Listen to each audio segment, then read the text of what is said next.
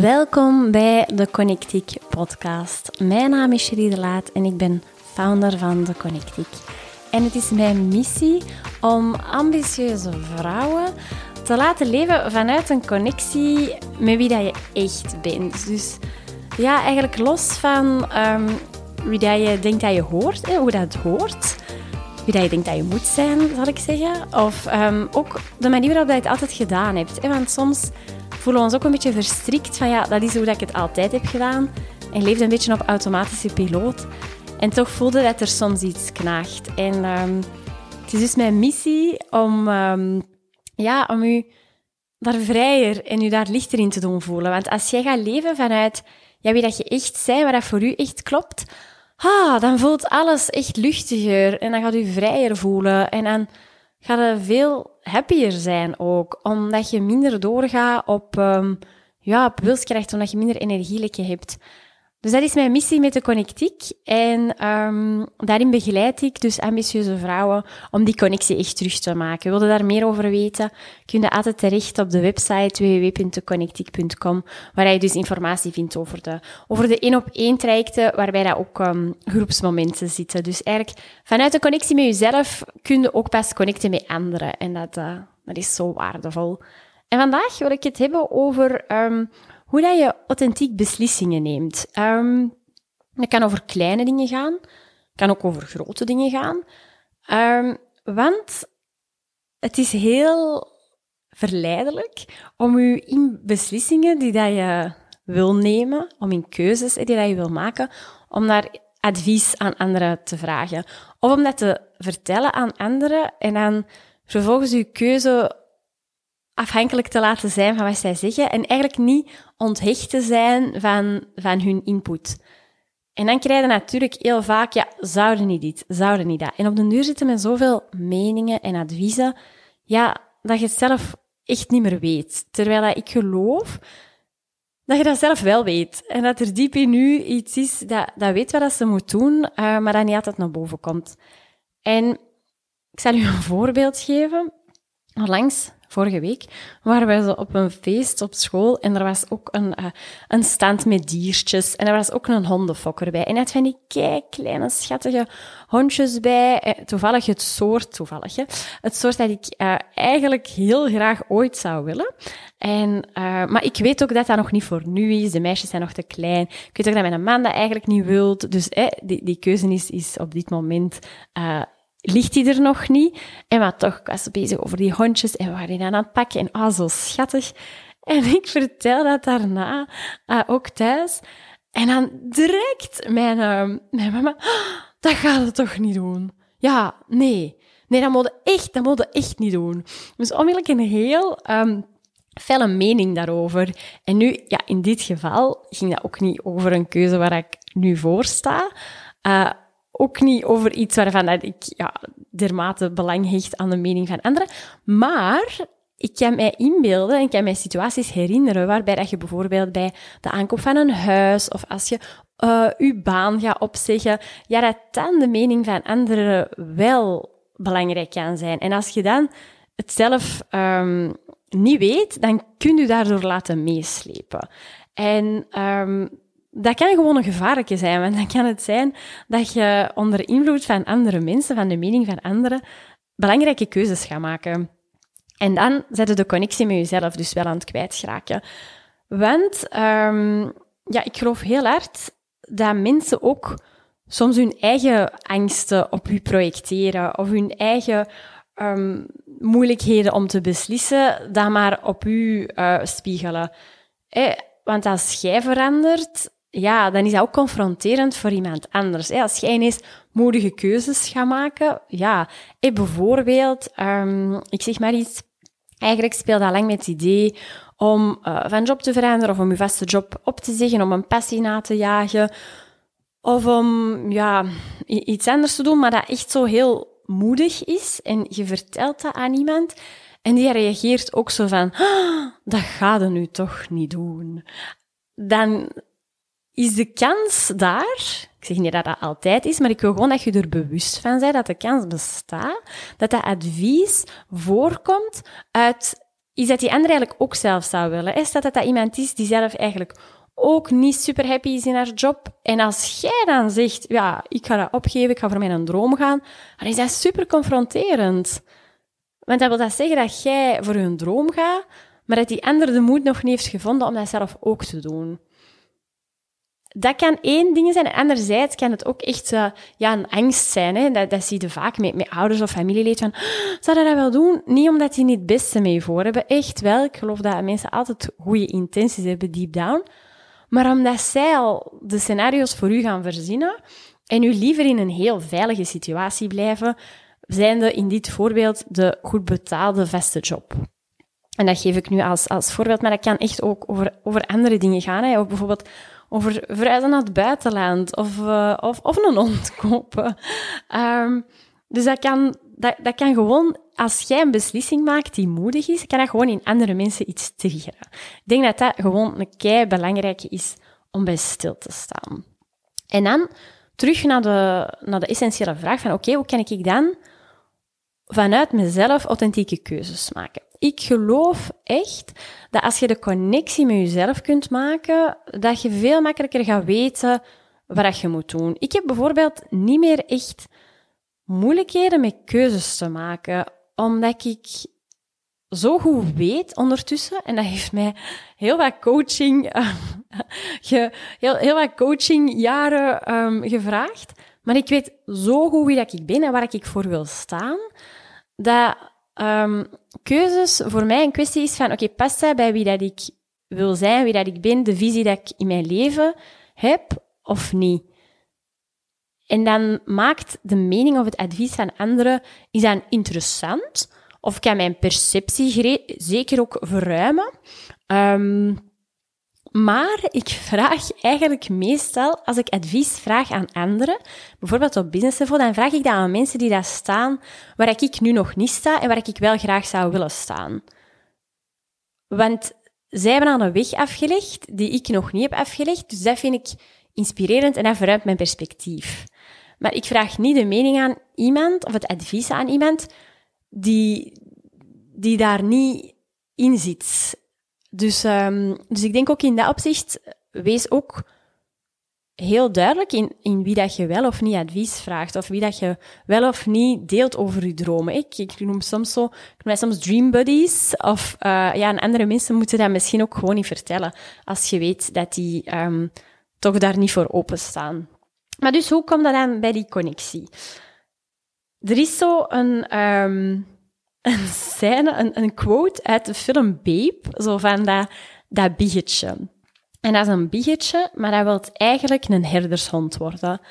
En uh, daar zit zo een, um, een quote in, en um, dat is Little ideas that tickled and nagged and refused to go away should never be ignored, for in them lie the seeds of destiny. En ik geloof dat zo hard, dat je, zo als er van die ideetjes zijn, van die dingen, pings noemen ze dat ook wel soms, zo ping, van die ideetjes die er altijd opnieuw terugkomen. Dat je altijd opnieuw denkt, ah ja, ik wil er al zo lang iets mee. Ah ja, amai, nu is dat idee er terug. Ah nee, nu gaat hij dat doen. Maar zo van die, van die kleine dingen die daar altijd terugkomen, dan kun je erop vertrouwen dat er wel iets zit. Dat er een soort verlangen zit. Dat er iets zit dat je verder mocht gaan onderzoeken. Dus dat is al een eerste. Dus ga eens bij jezelf na. Zijn er zo van die dingen die altijd terugkomen? En in mijn geval, eerlijk, is dat bijvoorbeeld al heel lang eigenlijk een wens om ooit een hond te hebben. En dat is iets dat zo af en toe terugkomt. Dus ik denk dat er ooit, ik zeg, je weet dat nog niet, maar ik ga daar echt zelf voor zorgen, samen met de meisjes, uh, voor dat hondje. Maar dat is, dat zoiets dat altijd terugkomt. Dus, dus maybe one day. En um, ik denk dat dat hetzelfde is met, met mensen die, die uiteindelijk echt gaan voor een, een goed idee dat ze hebben. Of bijvoorbeeld al heel lang in buiten, naar buitenland willen gaan wonen. Daar altijd al over hebben gedroomd. Of een buitenverblijf. Of ik weet niet wat. En dat is zo... Ah, als dat tikkelt, dan, dan mogen erop vertrouwen dat er iets zit dat jij mocht gaan onderzoeken. Um, dus dat is één. En een, een volgende um, aantal vragen dat je zelf eigenlijk kunt stellen als je voor een beslissing staat, als je een keuze moet maken, um, is, echt gaan pinpointen wat dat je moeilijk vindt. En dan kun je aanvullen, de keuze waar ik nu moeite mee heb, is... Wat, waar gaat het eigenlijk echt over? Hè? Dus die, die helderheid creëren van wat vind je moeilijk om te kiezen? En, wat, en dan zijn de, twee vragen. En wat je zou kunnen doen, is die vragen noteren, even op pauze zetten, die vragen noteren en dan daar eens op gaan journalen. En journalen wil eigenlijk gewoon zeggen dat je gaat schrijven, je gaat al je gedachten opschrijven. Je schrijft bijvoorbeeld per vraag zitten een timer van een vijftal minuten en gaat gewoon schrijven wat er in je opkomt. En dan ga je merken dat er misschien ideeën naar boven komen die dat je daarvoor nog niet had bedacht. Dus helderheid. Wat, is de, wat is de keuze? Dat is dan een eerste, hè? om het minder vaag te houden. Wat is de keuze waar je nu moeilijk mee hebt? Volgende vraag. Wat houdt er u nu tegen om die keuze te maken? En dan volgende vraag. Wat zou er u helpen om die keuze te maken? En als je helder hebt wat de keuzes zijn, is een oefening die dat je zou kunnen doen, um, die dat ik ook soms met, um, met klanten doe, die dat ik dan begeleid in de, in de praktijk, is dat je eigenlijk je keuzes gaat, gaat opschrijven. Dus je pakt een A4-blad per keuze en je schrijft um, keuze A, keuze B en je schrijft er in, in een aantal kernwoorden op waar die keuze voor staat. En dan leg je, maak je eigenlijk twee paden. Dus je maakt een pad keuze 1, die keuze, en dan vervolgens uh, maakte een pad met de, tijdlijnen. Hè, dus binnen drie maanden en binnen een jaar, bijvoorbeeld. Dus is het pad voor keuze 1. Voor keuze, keuze 2 doet hetzelfde. Nu, binnen drie maanden, binnen drie jaar. En dan gaan die twee paden eigenlijk eens um, bewandelen.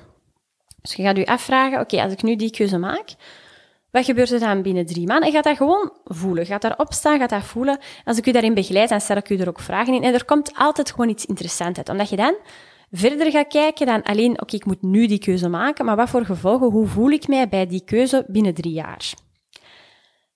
En ook heel interessant um, om helderheid in te krijgen is, wat is voor u de ideale situatie? Wat zou je eigenlijk willen? Kunnen die eens helemaal schetsen? Hoe wilt u voelen? Onafhankelijk van de, de keuze dat je moet maken, wat, eh, binnen het eindresultaat, hoe zou u willen voelen? En vervolgens is het dan ook kei belangrijk om die keuze te maken. En om daar super committed in te zijn.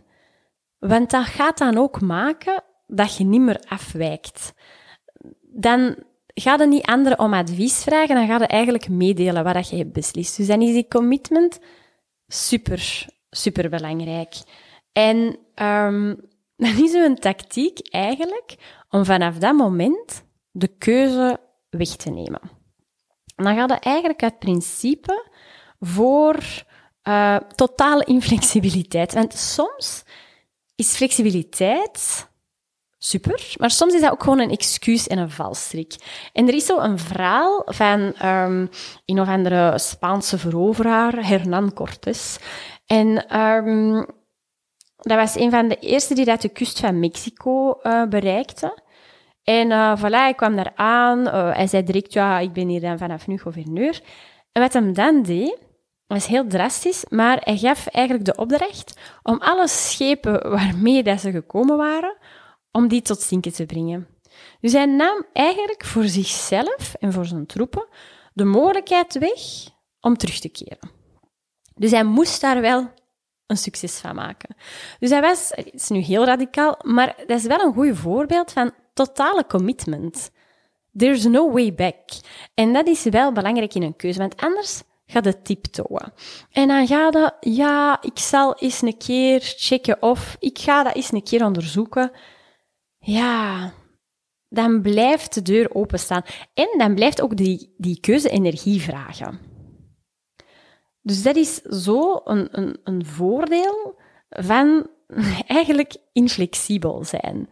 En um, als je elke keer opnieuw dingen moet gaan beslissen, dan vraagt dat superveel energie. En um, vandaar ook, om, om nog een voorbeeld te geven, dan een tournee mineraal bijvoorbeeld goed werkt. Want je maakt voor jezelf gewoon het commitment, ik ga een maand geen alcohol drinken. En je zet daar ook, dan wordt het ook niet meer van, ah, ga ik nu misschien toch één, één glaasje wijn, of ah, misschien toch... Nee, de, beslissing is gemaakt. En eigenlijk, ik heb dat zelf bijvoorbeeld dit jaar meegedaan, ik vond dat wel nog bevrijdend hoe, hoe hard dat de keuze wegneemt. En zo is er ook bijvoorbeeld een, een verhaal van uh, een of andere CEO die dan nooit een dessert neemt. Nooit. Niet omdat hij dat niet lekker vindt, of maar gewoon uit principe omdat hij de keuze wegneemt. Dat is misschien ook een radicaal voorbeeld. Maar soms is inflexibiliteit echt een goede keuze, omdat enerzijds hè, heb je die, heb je die, energie, die, die wilskracht die dat je eigenlijk um, ja, weg moet nemen, omdat je de decision fatigue heet dat. Omdat je die wegneemt. Omdat je beslissing gewoon al hebt gemaakt. Want als je um, altijd die beslissing opnieuw moet nemen, is, dus, is er dus een kans dat je decision fatigue krijgt. En wat gebeurt er dan? Dan gaat je voor de gemakkelijkste optie. Ja, dan bestel je wel de dessert. Of dan gaat je wel voor dat glasje wijn, omdat je die commitment niet hebt gemaakt. Dus dat is één voordeel van inflexibiliteit. En anderzijds is dat ook supergoed om eigenlijk een reputatie op te bouwen. Want je maakt heel duidelijk waar je voor staat. En dan weten mensen dat ook. Als je zegt bijvoorbeeld, ik doe mij aan tournee mineraal. Oké, doe mij aan tournee mineraal.